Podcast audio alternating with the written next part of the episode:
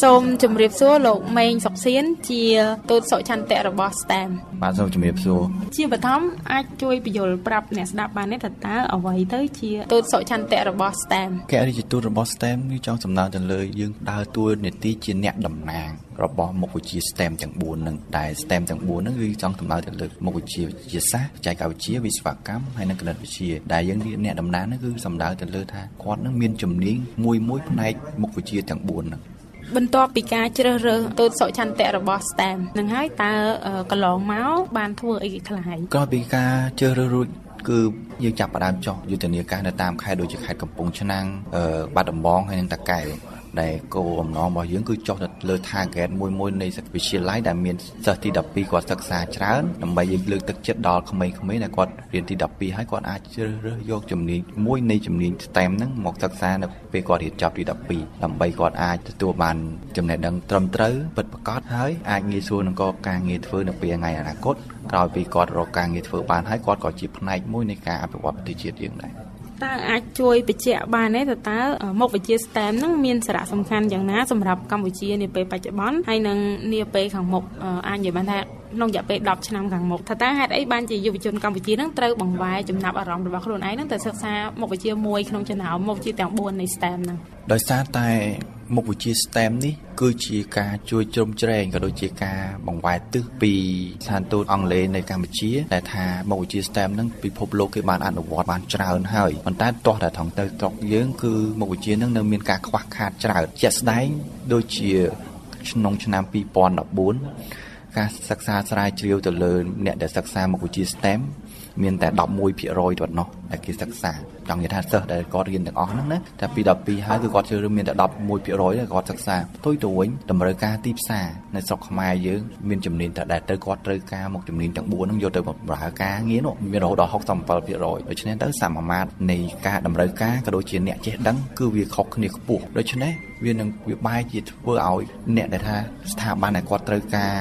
អ្នកដែលចេះជំនាញហ្នឹង រករកអ្នកដែលប្រកែអត់បានដូច្នេះគាត់បែរជាត្រូវការបើមិនបើគាត់រកអត់បានអញ្ចឹងគាត់ត្រូវការទៅរើសអ្នកជំនាញមកពីស្រុកក្រៅហើយអញ្ចឹងវាធ្វើឲ្យបាត់បង់ចំណូលក្នុងប្រទេសយើងនៅហ្នឹងនឹងគឺជាបញ្ហាមួយដែលធ្វើឲ្យប្រទេសយើងខ្វះអ្នកមានការងារធ្វើដូច្នេះបើមិនបើយើងគម្រោងរបស់យើងនៅក្នុងថ្ងៃអនាគតក្នុងពេល10ឆ្នាំខាងមុខហ្នឹងគឺយើងត្រូវធ្វើយ៉ាងម៉េចចង់ឲ្យអ្នកដែលសិក្សាមុខជំនាញ STEM ហ្នឹងមានកាន់តែច្រើនដើម្បីយើងឆ្លើយតបទៅនឹងតម្រូវការទីផ្សារការងាររបស់ពួកយើងហើយការណាដែលគាត់សិក្សាលើជំនាញហ្នឹងគោលដៅរបស់យើងគឺមានពីរទី1គឺធ្វើឲ្យជាជនរបស់យើងមានការងារធ្វើពេលរៀនចប់ទី2ពេលគាត់រៀនចប់អាហ្នឹងគាត់ខ្លាយទៅជាធនធានមនុស្សមួយដែលអាចអភិវឌ្ឍប្រទេសជាតិយើងកាន់តែរីកចម្រើនទៀតអាចបញ្ជាក់ឲ្យច្បាស់បន្តិចថាតើជួយប្រទេសយើងឲ្យកាន់តែរីកចម្រើននៅក្នុងរូបភាពបែបម៉េចតកតងជាមួយខ្ញុំលើកឧទាហរណ៍មួយនោះមកជានាង STEM ហ្នឹងលើតកតងជាមួយនឹងប្រព័ន្ធបច្ចេកវិទ្យា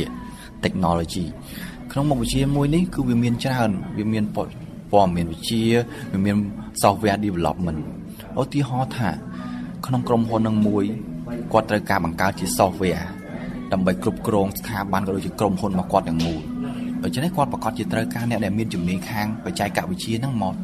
មកបង្កើតជា software ឲ្យគាត់ហើយប៉ុន្តែគាត់រកអត់បានគាត់ត្រូវការជួល expert ពីប្រទេសខាងក្រៅយើងត្រូវការបង្កើតអ្នកមានត្រូវការអ្នក ចៃវិជាបង្កើត software ហ្នឹងមួយគាត់ហៅដល់តែអ្នកបរទេសមកពីអាមេរិកអញ្ចឹងទៅគាត់ថាគាត់បង្កើតរយៈពេលតែ1ថ្ងៃឬក៏3ថ្ងៃតែប៉ុណ្ណោះគាត់ត្រូវការបង្កើតហើយគាត់ស៊ីអស់ដល់10000ដុល្លារអញ្ចឹងសួរថាយើងខាតអស់ប្រមាណទុយទៅវិញបើសិនមកយើងមានធនធានផ្ទាល់ខ្លួនគាត់ចេះបង្កើត software គ្រប់គ្រងនឹងក្រុមហ៊ុនហ្នឹងដែរនឹងវាជាផ្នែកមួយដែលជួយឲ្យប្រទេសយើងវាអាចមានការងារធ្វើហើយគេយកអាចចំណេះដឹងហ្នឹងយកមកជួយអភិវឌ្ឍនៅស្រុកយើងថាអូស្រុកយើងមិនចាំបាច់យកជនបរទេសមកធ្វើក៏អាចធ្វើបានដែរព្រោះយើងរាល់ថ្ងៃគឺជាប្រទេសកំពុងអភិវឌ្ឍយើងពឹងតែគេឲ្យមកជួយយើងដដែលវាដូចជាប្រទេសមួយដែលថាខ្វះធនធានមនុស្សខ្លាំងអញ្ចឹងបើសិនមកគាត់ចេះផ្នែកជំនាញ STEM គឺគាត់អាចចូលរួមផ្នែកដើម្បីអាចអភិវឌ្ឍប្រទេសយើងឲ្យកាន់តែថាគេហៅថាជាប្រទេសដែលមានធនធានមនុស្សកាន់តែច្រើនថែមទៀតបើយើងធ្វើការប្រៀបធៀបអត្ថប្រយោជន៍ទៅនឹងមុខវិជ្ជាផ្សេងដែលក្រៅកម្ពី STEM ហ្នឹងខ្ញុំចង់ថាតើមូលហេតុអីឬក៏អត្ថប្រយោជន៍អីជាមូលហេតុដែលធ្វើឲ្យយុវជនកម្ពុជាហ្នឹងគួរតែបង្វែរចំណាប់អារម្មណ៍ទៅសិក្សាមុខវិជ្ជាមួយក្នុងចំណោម STEM ហ្នឹងលើឧទាហរណ៍ដូចជាផ្នែកវិស្វករអញ្ចឹងវិស្វករបើសិនមកគាត់ធ្វើការនៅក្នុងក្រុមហ៊ុនមួយគេមិនមិនរើឲ្យគាត់អូទៅលីសែងលើកបាវសំងលើកអ្នកដែលរៀនវិស្វករមិនមែនធ្វើអញ្ចឹងទេគឺគាត់គិនជាមនុស្សដែលបញ្ជាឲ្យគេលើកបាវលើកសំងហ្នឹងអញ្ចឹងឧទាហរណ៍ថាក្រុមហ៊ុនមួយហ្នឹងគាត់ត្រូវការបង្កើតជាគម្រោងមួយទីធ្វើអាគារធ្វើអាគារមួយចឹងចោះអញ្ចឹងគាត់ជាជាអ្នកជំនាញផ្នែកសំណង់ស៊ីវិលគាត់ប្រកាសជាដឹងច្បាស់ហើយថាសំណង់ហ្នឹងគេត្រូវការអីខ្លះអញ្ចឹងគេ set ជា project មួយឲ្យគាត់ធ្វើអញ្ចឹងបើសិនបើគាត់ set ជា project ហ្នឹងបានលឿនគាត់អស់ការងារធ្វើហើយប៉ុន្តែគាត់នៅទទួលបានប្រាក់ខែរហូត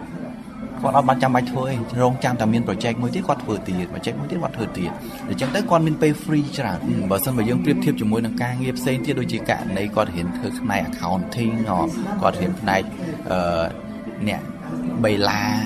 អញ្ចឹងទៅសួរថាគាត់មានពេល free អត់ទេ គាត់អង្គុយតែធ្វើរហូតថ្ងៃណាក៏ត្រូវតែធ្វើរហូតដែរអញ្ចឹងនឹងមានថានៅក្នុងក្រោមសម្ពាធរបស់មេច្រើនទៀតប៉ុន្តែបើសិនបើយើងធ្វើការជា project គេឲ្យ project យើងមួយឧទាហរណ៍ project ហ្នឹងធ្វើរយៈពេល10ទៅ15ថ្ងៃធ្វើមិនឲ្យចប់ឬក៏កន្លះខែធ្វើមិនឲ្យចប់អញ្ចឹងគាត់អាចពលឿនណា ធ្វើហើយអញ្ចឹងពេលណាគាត់ធ្វើចប់គាត់នៅពេល free អាចធ្វើអីផ្សេងបន្ថែមទៀតដូចយើងដឹងហើយថាមុខវិជ្ជា STEM ហ្នឹងគឺជាមុខវិជ្ជាមួយដែលមានការលំបាកក្នុងការសិក្សាខ្ញុំចង់ដឹងថាតើវាយឺតពេកទេនៅពេលដែលយើងរើសយកសិស្សថ្នាក់ទី12ហ្នឹងមកប្រាប់ហ្នឹងឬមួយក៏យើងគួរតែងាកចំណាប់អារម្មណ៍ហ្នឹងទៅប្រាប់តាំងពីក្មេងតូចៗដើម្បីគាត់សាងសង់មូលដ្ឋានគ្រឹះស្នាក់ខ្លួនឯងឲ្យហើយ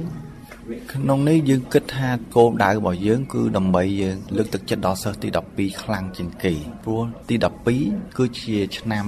ចុងបញ្ចប់ដែលគាត់នឹងត្រៀមជ្រើសរើសយកជំនាញអីដើម្បីសិក្សានៅ កលវិទ្យាល័យជាសំណួរចុងក្រោយនាងខ្ញុំចង់ដឹងថាតើ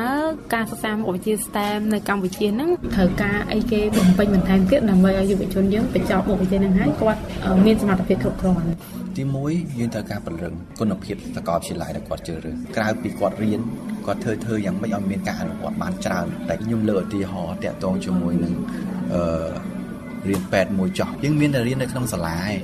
ប៉ុន្តែពេលដែលគាត់ពងរៀនហ្នឹង ឆ្នាំទី1ទី2គឺតម្រូវឲ្យគាត់ទៅទៅចុះកម្មសិក្សាលៀមតម្ដងហើយគាត់ស្គាល់ថាអូ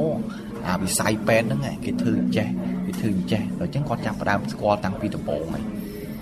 ហើយពេលខ្លះមុខជាពេទ្យហ្នឹងយើងត្រូវការមានមន្ទីរពិសោធន៍យើងត្រូវការមានបន្ទប់សម្បីវះកាត់សាកសពដូច្នេះនៅតាមសាលាធំធំរបស់យើងសាលាពេទ្យដូចជាសាលារដ្ឋសាលាឯកជនហ្នឹងគឺអត់សូវមានទេ មានដែរតែគ្រាន់តែវាមានចំនួនតិចហើយតែចម្លាក់ចំនួនដែលថាគេមាននោះគ្រាន់តែមាននៅក្នុងសាលាឯកជនតែរដ្ឋអត់មានទេអរគុណលោកមេងសុកសៀនដែលបានផ្ដល់បទសម្ភាសន៍ជាមួយនឹង VOA បាទ